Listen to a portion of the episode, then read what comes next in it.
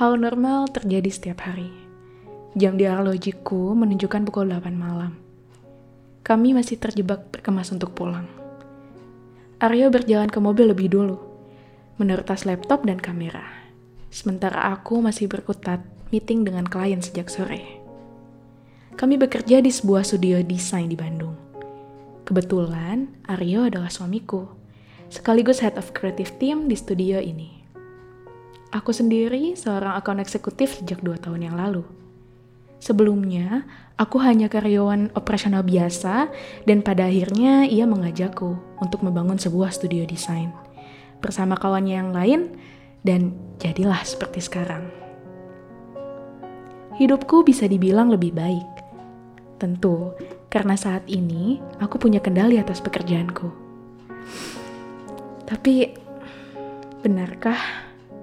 Lantas, mengapa aku masih berkutat di depan layar MacBook sambil sedikit terkantuk-kantuk. Akhirnya meeting pun selesai. Ku kemas MacBookku, membawanya sesegera mungkin menuju mobil. Ia sudah menunggu sejak 10 menit yang lalu. Aku masuk, tapi selebihnya hanya hening. Mobil kami berjalan normal, sebuah playlist musik radio malam berputar. Biasanya memutar lagu-lagu lawas 2000-an.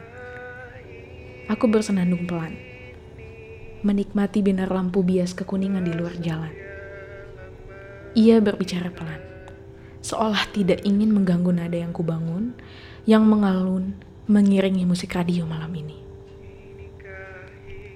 Kalau kita ambil cuti satu minggu, gimana? Aku pun menoleh melihat matanya serius menerka jalanan. Ku kecilkan volume radio, lantas menatap matanya yang penuh tanya itu. Ada apa emang? Bukannya kamu lagi sibuk banget ya minggu ini?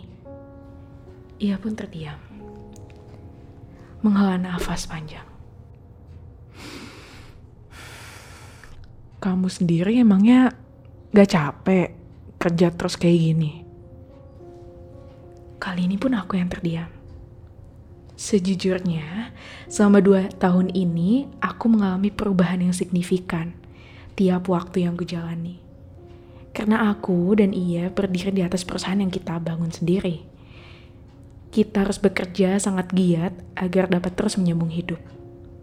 Sungguh, awalnya aku merasa tidak yakin. Tapi ia membuktikan usaha kita selama dua tahun ini memang membuahkan hasil. Aku berpikir, aku dan Aryo harus menjaganya bersama. Aku pun menjawab, aku gak bisa yo. Minggu ini kan aku pitching klien bareng Agus sama Dinda. Dan harusnya kamu juga gak bisa kan? Karena klien minta cepat selesai tuh visual deck minggu ini. Kamu lupa ya? Lantas kami berhenti di perempatan Jalan Riau. Suasananya cenderung lebih sepi. Sunyi. Hanya ada beberapa mobil yang juga berhenti karena lampu merah yang masih menyala. Ia menarik rem tangannya dan menatapku penuh fokus kali ini. Kalau kerjaan ini harus ambil keluarga aku, lebih baik enggak aku kerjain deh semuanya dari awal. Kamu ingat gak dulu saat kamu masih jadi karyawan operasional dan aku masih jadi freelance fotografer, lalu kita menikah, tinggal di rumah sederhana, hampir setiap hari loh kita makan di meja yang sama, duduk berjam-jam, ngobrol di ruang tengah. Berangkat jam 8 pagi bareng, pulang juga jam 5 sore. Selebihnya istirahat, bercanda, berbincang. Kamu gak kangen itu semua? Aryo berkata dengan mata yang menyala. Sejujurnya aku pun tidak mengerti arah pembicaraan Aryo akan ke mana. Yang jelas, kurasakan AC mobil ini tidak berfungsi. Kemudian lampu jalan menjadi hijau, dan Aryo menurunkan rem tangannya menginjak gas kencang. Aku pun menjawab, Kamu loh yo yang bawa aku ke dunia kerja ini Aku nggak pernah ya minta ikut kamu untuk kerja bangun studio kamu itu yang sibuknya setengah mati. Kemudian Aryo pun melambat, menghela nafas, dan berkata, Tapi aku gak pernah minta kamu untuk lupa waktu. Gak pernah minta kamu untuk pakai 24 jam yang kamu punya itu hanya untuk kerjaan ini. Dengan tak sabar aku pun ikut menjawab. Studio kamu berkembang pesat itu karena siapa? Karena aku pakai waktu aku untuk kejar klien ke sana ke sini. Untuk ambil tawaran brand sana sini. Meeting sampai malam. Kadang juga sampai pagi. Kamu gak lihat perjuangan aku untuk hidup kita. Kamu berjuang untuk hidup studio kita. Ia menjawab. Bukan untuk hidup kita. Lantas mobil pun kembali berjalan normal, menyusuri jalanan lasu yang kian sepi. Kusenderkan kembali kursi mobil. Helaan nafas panjang tak kunjung membuat situasi malam ini reda. Aku pun berkata, bisa gak sih kita hidup normal aja? Pulang ke rumah, istirahat, fokus ke kerjaan besok. Aku tuh capek ya, harus debat terus sama kamu kayak gini. Ia pun mengernyit. Loh, bukannya selama ini kita nggak pernah hidup normal ya? Aku menyerah. Aku berucap pelan, berharap bisa tahu apa yang ia mau. Kamu maunya apa sih, Yo? Mau aku keluar dari studio kamu? Mau aku cuti seminggu, sebulan, setahun? Apa sih mau kamu? Ia masih menatap lurus ke jalanan. Kini ia bersiap belok ke jalan Gatsu.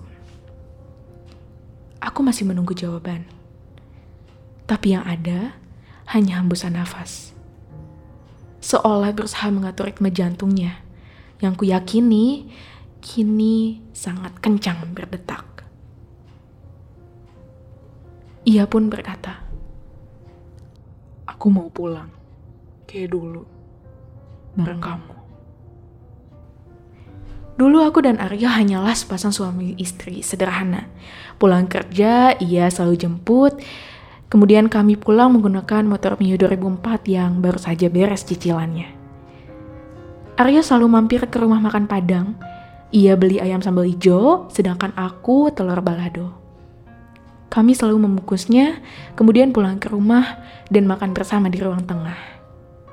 Kami habiskan waktu cukup banyak untuk bercerita, tertawa, menonton film, dan tayangan TV yang kadang membosankan. Rute jalan pulang dulu begitu menyenangkan. Ia pun berkata, kita bersyukur atas hidup kita yang lebih baik. Tapi aku nggak ingin loh kehilangan rute jalan pulang terbaik. Bareng kamu menyusur jalan ini, beli soto cason atau beli nasi padang Mak Betty, terus lanjut nonton sinetron drama yang kamu suka itu. Cuma itu aja kok, Laras. Aku mau kamu ngasih waktu untuk hidup kamu, untuk hidup kita. Lantas kulihat matanya sekali lagi. Refleksi jalanan samar-samar terlihat. Tapi ternyata bukan itu saja. Di sana ada refleksi butir air mata jatuh perlahan, mengiringi kalimat barusan. Jalan Gatsu malam ini mengingatkanku akan tiga tahun yang lalu, saat pertama kali kami menikah. Di ujung jalan ini ada satu kedai soto enak favorit kami. Biasanya tiap kami merayakan tanggal spesial, selalu kami rayakan sederhana di sana. Tapi sudah setahun lebih tidak pernah kami saling meluangkan. Hanya menikmati hidup akan pekerjaan. Melupakan sebagian diriku yang ada pada diri suamiku. Aryo, ma Ma maaf, ucapanku bergetar. Tak sadar, memori masa lalu kami terbang tinggi menari-nari di atas bintang malam ini. Aku rindu semua momen bahagia. Tiap kali bersama, menikmati rute jalan pulang, membayangkan kami akan menghabiskan semalaman penuh bersama. Mengisi daya energi untuk esok kembali bekerja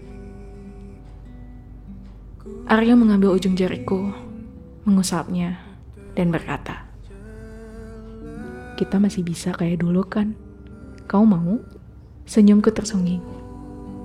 Jalan Gatsu nampaknya masih panjang. Dan aku tahu, ia akan membawaku ke mana malam ini. Soto cason, kamu pakai nasi, aku nggak pakai nasi ya. Kamu pesan es jeruk, aku pesan teh tawar. Pulangnya, bungkus nasi padang Mak Betty untuk besok kita sarapan. Nanti malam kita main PES ya. Kamu kan biasanya pakai Madrid, aku pakai Dortmund. Karena ada hal yang ganteng banget. Sesudahnya kami tertawa lepas. Sungguh, hidup itu akan terus berkembang. Tidak akan selalu sama. Tapi bisa dengan orang yang sama. Kuputar kembali radio, mengiringi sisa perjalanan pulang kami pulang menjadi diri yang dulu, dua insan saling berbagi cinta dan waktu. Karena sejatinya bumi dan waktu berputar bukan hanya untuk aku, tapi juga untuk kamu. Dari Kularas, semua akan membaik saat kau lepas, saat kau bebas. Berbicara pada diri tentang apa yang terjadi.